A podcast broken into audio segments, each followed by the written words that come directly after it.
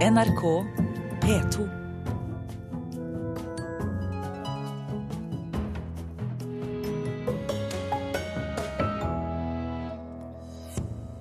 Ny regjering og ny kulturminister på trappene, og den nye ministeren kommer til dekket bord, mener vår kulturkommentator. Det har vært en kraftig økning i datakriminalitet det siste året. Nordmenn er naive, mener direktøren i Norsk senter for informasjonssikring.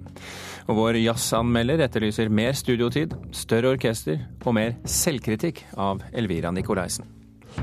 Du hører på Kulturnytt med Birger Kolsrud Jåsund i studio. Det blir en eh, blå-blå regjering bestående av Høyre og Fremskrittspartiet, som inntar kongens bord om et eh, par eh, uker.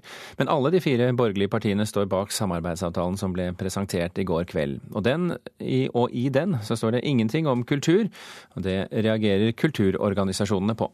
Det står ikke noe av denne samarbeidsavtalen om kultur i det hele tatt. Det er jo skuffende da, men det er klart at det er vi jo vant til at det ikke blir det mest sentrale temaet. Sier Susette Påske, president i vår største frivillige kulturorganisasjon, Det Norske Musikkorpsforbund, med den ferske samarbeidsavtalen i hånd. Altså Det vi frykter med en, en Høyre-Fremskrittsparti-regjering, er jo at man eh, ikke kommer til å satse så sterkt på kultur som man kanskje ville ha gjort i en bredere partisammensetning.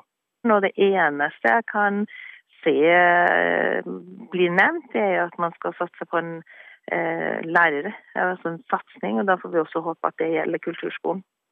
Sissel Merete Berge i Den norske bibliotekforeninga er bekymra for at det blir regjering uten de to sentrumspartiene. Det er KrF og Venstre som først og fremst har eh, nevnt eh, bibliotekssaker. Norsk bibliotekforening har jo eh, sagt at vi ønsker en uh, folkebibliotekmilliard. Eh, det vi er spent på, er jo å se hvordan dette stadfester seg i budsjettet. Reporter her, det var Maria Piles Svåsand. Kulturkommentator Agnes Moxnes, kultur er altså ikke nevnt i samarbeidsavtalen til de fire partiene. Hva betyr det egentlig? Nei, Det er egentlig ikke så veldig overraskende, det. fordi eh, For det første så er de tre partiene, Venstre, Kristelig Folkeparti og Høyre, ganske enige, og egentlig Stortinget også som sådan. Sånn at eh, det store spørsmålet her blir jo om Fremskrittspartiet får noe gjennomslag for sin kulturpolitikk eh, i det hele tatt. Men det nevnes, altså frivilligheten nevnes, og, og det kommer nok til å bli en viktig del av også kulturpolitikken fremover. Men hva betyr det for Kultur-Norge, tror du, at vi får en regjering bestående av Høyre og Fremskrittspartiet?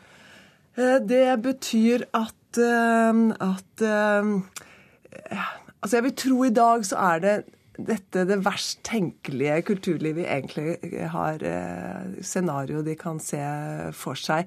Vi vet at kulturlivet stemmer rød-grønt. I dag er de en slags sånn passiv alarmberedskap Eh, vil jeg tro. Eh, kommer til å følge nøye med på hva som kommer til å skje fremover. Men det store spørsmålet er jo som sagt eh, kommer Fremskrittspartiet, Fremskrittspartiet til å få en stor rolle i utviklingen av kulturpolitikken, eller kommer det til å bli overlatt til Høyre og de to støttepartiene i Stortinget? Men hvilke deler av kulturlivet har mest å glede seg over? da, tror du? Jeg tror egentlig at det er veldig få som, som gleder seg eh, veldig over dette resultatet som, som ble kjent i, i, går kveld. Men forventningene er, som vi hørte, fra de, de, store folkelige organisasjonene som bibliotekene, korps og kor, er på plass, og de er faktisk store. Men det sier ikke så, eh, egentlig ikke at de er så veldig glad i blå, et blå-blått eh, kulturliv. Det sier nok mer at de føler at de kom litt dårlig ut av eh, Kulturløftet og den rød-grønne kulturpolitikken. Men, men, er det grunn til å tro at vi får kutt i, i kulturbudsjettet? da? Nei, det er ikke det. For som sagt så er det stor enighet i Stortinget om å et, opprettholde et kulturbudsjett på et ganske høyt eh, nivå. Men så får jo tiden vise, da, de årene som kommer, om det blir ytterligere vekst i, i kultur. Eh, hvordan vil vi helt vanlige folk merke den nye regjeringens kulturpolitikk på, på, kort og lang sikt? Ikke så veldig mye, tror jeg. Selv om eh, de påtroppende regjeringspartiene jo ønsker en maktspredning, altså at større og flere avgjørelser skal tas utenfor Oslo enn det som blir gjort uh, nå, det bør egentlig merkes i kulturlivet i løpet av de fire årene som kommer. På kort sikt, aviser kan bli borte. Og så tror jeg kanskje at vi kommer til å merke at vi får et mer engasjert og høylytt kulturliv, som kommer til å melde tydelig inn til regjeringen når eller hvis de opplever at det styres i feil retning. Og hvis de melder inn, er det da til kulturminister Olemic Thommessen? Han ligger veldig godt an til å bli kulturminister nå. Erna Solberg har sagt at hun vil ha erfarne folk inn i, rundt regjeringsbordet. Og, og, han er en dreven kulturpolitiker. Han er 57 år gammel, har sittet to runder i kulturkomiteen i Stortinget. Han kan kulturlivet, og kulturlivet vet hvem han er. Men får han et eget departement i så fall? Ja, altså Det var jo Høyre som opprettet et eget, et eget kulturdepartement i 1981, da Lars Roar Langslett ble kulturminister. Så det, vi vet jo at det er snakk om at det skal bli færre departement, men det kan jo være at Kulturdepartementet får tilført uh, kulturskolene, og kanskje også Riksantikvaren. Agnes Moxnes, takk for at du fulgte med på sonderingene for oss. Vi venter mer etter hvert som regjeringen eh, settes på plass.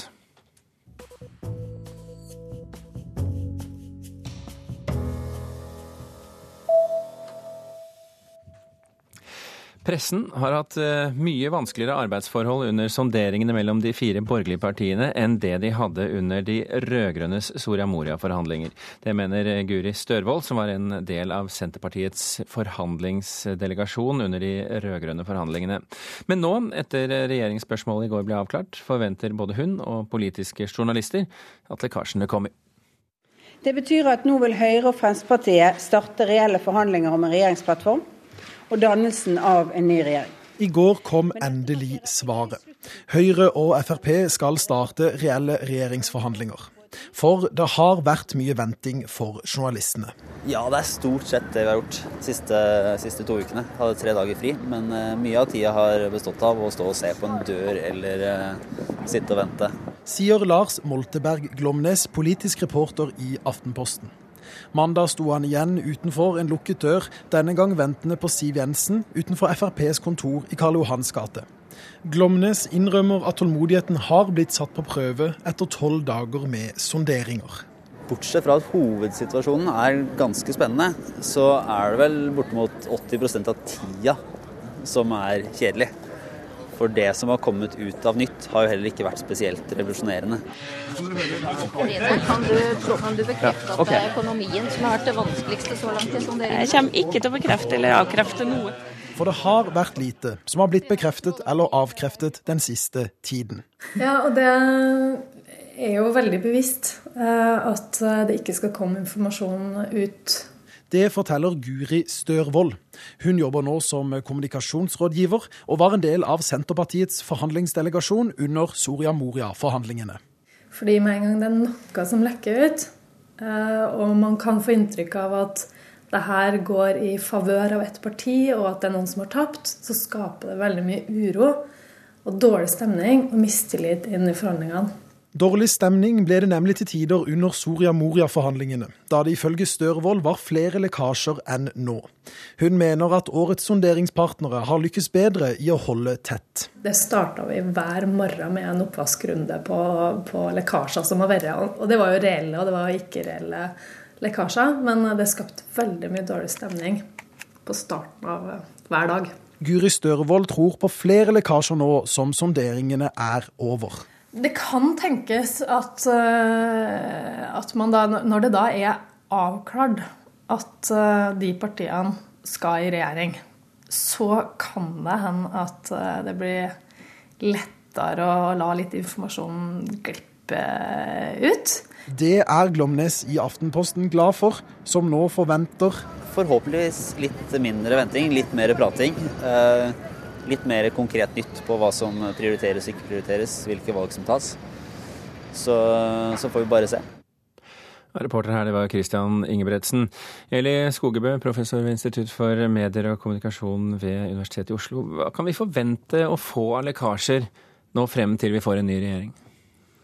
Ja, Det kommer veldig an på om partene ser seg tjent med å lekke, det er det ene. Om eh, hvordan roen eller uroen i partiene er, tenker jeg. Altså, dette er jo parter eller partier, politiske politikere som er vant med media. De kjenner medielogikken, og de kan både bruke lekkasjer til sin egen fordel, men òg, som sonderingene har vist, hindre de med antagelig veldig, veldig sterk eh, kommunikasjonsstyring innad. Veldig streng eh, styring. Og her er det jo tydelig at de ikke har sett seg tjent med at eh, ting kommer ut. Men, men hvis de nå kommer med lekkasjer, er det da det enkelte parti som ser eh, nytten av å komme med lekkasjer, eller er det eh, regjeringspartnerne som kommer? Ja, Det vil jo komme an på saken, tenker jeg. Lekkasjer kan jo brukes både for å vise hva denne regjeringen, som nå blir en topartiregjering, Altså, eh, Hvis de nå har behov for å si noe om hva de ønsker å få til, som de altså ikke har skrevet i avtalen, som jo stort sett inneholder hjertesakene til de fire, og eh, gi, eh, gi signaler om hvilke saker de vil få til sammen, så er det jo klart at da, da kan man tenke seg at det kan komme lekkasjer av typen som, som, man alltid har før statsbudsjettet, f.eks. Eh, hvis forhandlingene ikke går så bra, så kan man jo tenke seg at en av partene lekke på, på, enkelte ting for å skape mer uro. Men det er en annen type måte å bruke det på. Kan det forsure forhandlingene? Ja, det kan det jo alltid. Det hørte vi nettopp i innslaget før òg, at det er klart at det oppfattes som illojalitet.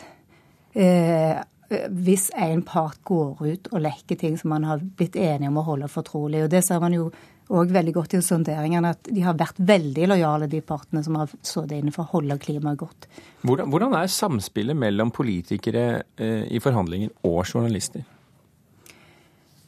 Ja, altså I de sonderingene som har vært, så har jo samspillet vært til dels sånn at politikerne har holdt eh, tett brystet, og de har sannsynligvis heller ikke informert flere enn de som har vært absolutt nødt til å vite om eh, hvordan forhandlingene har gått. Og da, da har jo poenget vært at med, altså, journalistene skulle ikke få det ut for ikke å skape uro. Og det tenker jeg Den uroen har nok veldig mye vært eh, tenkt at i enkelte partier ville det jo blitt mye protester på hva som har skjedd i eh, sondering, eller mye uro rundt det. Eh, så dette, så, så hittil så har jo spillet vært at eh, man har holdt det tett. Og det sier ganske mye om eh, hvor gode politi politikere har blitt til å spille mediologikken, at de faktisk har greid det så lenge. Men da har vi jo sett medier, altså representanter, journalister fra mediene, fotografer, stå utenfor den døren og vente mm. i eh, tolv dager. Er det sløsing med ressurser? Nei, det ville vel eh, journalister ikke si. For hvis det skjedde noe utenfor den døren i løpet av de tolv dagene når de ikke hadde vært der, så i eh, dagens mediesamfunn der det er så, så tung konkurranse mellom så mange medier hele tida, eh, så er det klart at eh, det ville vært veldig ille å ikke ha vært der. Men sånn i etterpåklokskapens klare lys så er det klart at det er mange som har drukket mange kaffekopper og slitt ut mange kulepenner. Kafeene skal også tjene penger. Eli Skogebo, medieprofessor ved Universitetet i Oslo, tusen hjertelig takk for at du kom til Kulturnytt. Klokken er eh, kvart over eh, åtte. Du hører på Kulturnytt, altså. Og dette er toppsaken i NRK Nyheter akkurat nå. Skoleløft, skattelettelser og mindre bompenger. Regjeringsskiftet kommer til å merkes for mange. Politisk krangel i USA sender hundretusener offentlig ansatte ut i permisjon. Og nye avsløringer. Nordmenn var involvert i drap på sivile på østfronten under andre verdenskrig.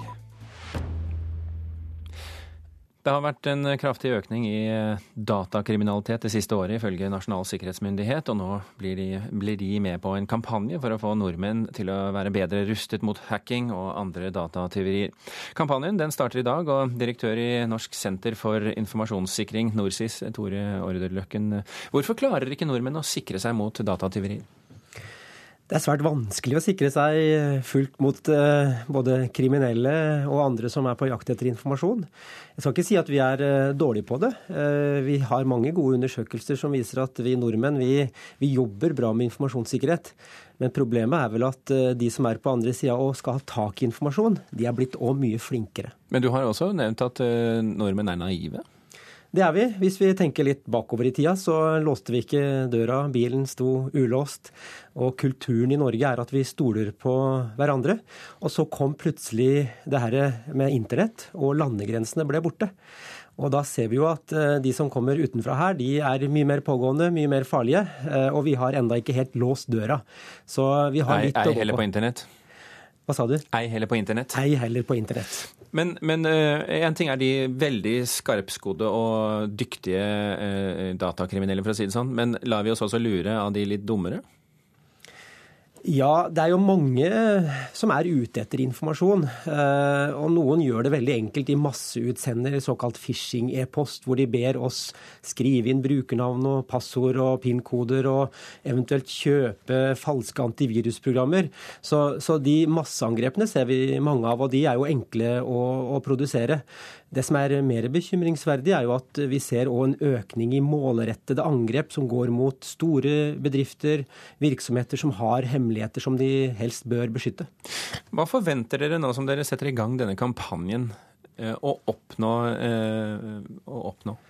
Vi ønsker å oppnå at eh, nordmenn i større grad tenker på at det de har lagret, det de har av informasjon, må beskyttes. Vi ønsker at bedrifter skal gjøre verdivurderinger av sin informasjon, og at de skal drive opplæring av sine ansatte, slik at de lærer å beskytte informasjon. Og så ønsker vi at innbyggeren skal stoppe litt opp, tenke litt, før han klikker.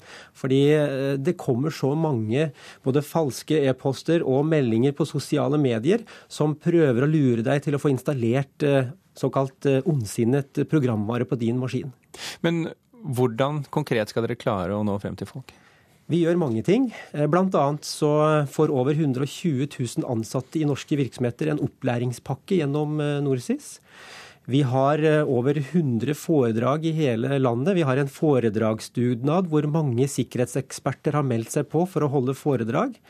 I tillegg så vil vi kjøre forskjellige aktiviteter på sosiale medier, og vi vil bruke radioreklame for å eh, lære opp folk til å både stoppe, tenke og før de klikker på forskjellige ting. Men hvem har den største utfordringen? Er det bedrifter, eller er det private? Det her ser vi nå i sammenheng, eh, fordi angrepene retter seg i dag mot eh, sluttbrukeren. Og sluttbrukeren jobber i en bedrift. Så hvis vi er flinke både til å drive opplæring av innbyggeren, og at vi får virksomhetene til å drive opplæring, så blir det samlet eh, veldig bra.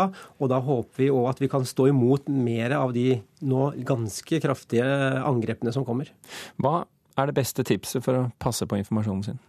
For enkeltpersoner så er det vel å slå på den sosiale brannmuren, tenke seg om før man eh, gjør ting. Eh, for bedrifter er det å gjøre en verdivurdering. Eh, hva slags informasjon er det som må beskyttes mer enn den andre informasjonen? Og så er det rett og slett eh, Er det for godt til å være sant, så er det ofte det. Tore Ordeløkken fra Norsis, tusen hjertelig takk for at du kom til Kulturnytt. Via sosiale medier kan innbyggerne i Tromsø være med på å forme kommunens nye kulturplan. Å bruke Facebook er mer og mer naturlig for kommunene, mener spesialist på sosiale medier i offentlig sektor. Og i Tromsø er håpet at Facebook skal hjelpe til en enda bedre kulturby. Det er jo der folk møtes nå.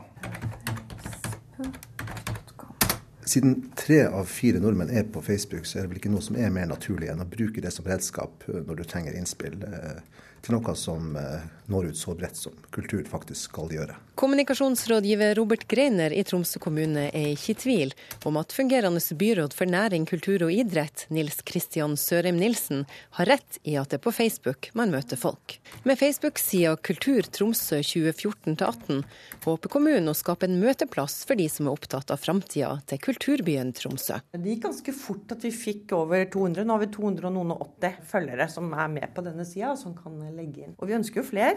Vi har invitert eh, bydelsråd og, vi, og kulturorganisasjoner og foreninger. Og det skal være for alle, og også enkeltpersoner. Det sier plan- og utviklingsleder Bi Håvin i kommunens kulturavdeling. Og byråd Nils Kristian Sørheim Nilsen forklarer at ønsket om å nå bredt og skape et kulturløft er grunnen til at kommunen bruker Facebook til å forme kulturplan. Så er det jo litt det demokratiske i det her. Jo flere som er involvert, eh, jo flere som har tanker rundt dette, jo bedre innspill kan vi få, og jo bedre jobb kan vi gjøre med denne planen. Det de gjør, det er jo rett og slett å vise innbyggerne sin respekt. ved å involvere og inkludere dem, altså spørre dem om råd. Den som roser er Alf Tore Meling i kommunikasjonsbyrået I all offentlighet. Han er bl.a. medforfatter av KS sitt veikart for sosiale medier i Kommune-Norge. I forbindelse med en undersøkelse har han fulgt Kommune-Norges bruk av sosiale medier tett de siste tre årene. Eh, kommunene er, er jo pålagt å være utadvendte og skal spørre innbyggerne om råd, men det, det, er langt fra alle som gjør det. I forhold til å legge ut høringer, f.eks. sånn som Tromsø gjør her, så ser jeg at det bør inn, eller må inn, som en helt naturlig del av kommunikasjonsplanene til, til kommunene. Ifølge Meling bruker alle kommuner sosiale medier på en eller annen måte. 264 av landets 428 kommuner har nå egne sider på Facebook, og det syns han er en god utvikling. Facebook er folkekanalen, det er der de når flest og bredest. Og du kan si fra start, når jeg begynte å følge med, så har jo veksten bare økt og økt. Det er jo veldig mye folk som har Facebook, så da er nok det en riktig måte å gjøre det på. Jeg er ikke på Facebook, så det, der når det ikke med. Reporter her, det var eh, Hege Irén Hansen. I Kulturnytt i dag har vi fortalt at Kultur-Norge ifølge vår kulturkommentator befinner seg i en slags passiv alarmtilstand etter at sonderingene var over og vi får en regjering med Høyre og Fremskrittspartiet. Kulturnytt fikk du av Hanne Lunås, Gjermund Jappé og Birger Kolsrud Jåsund.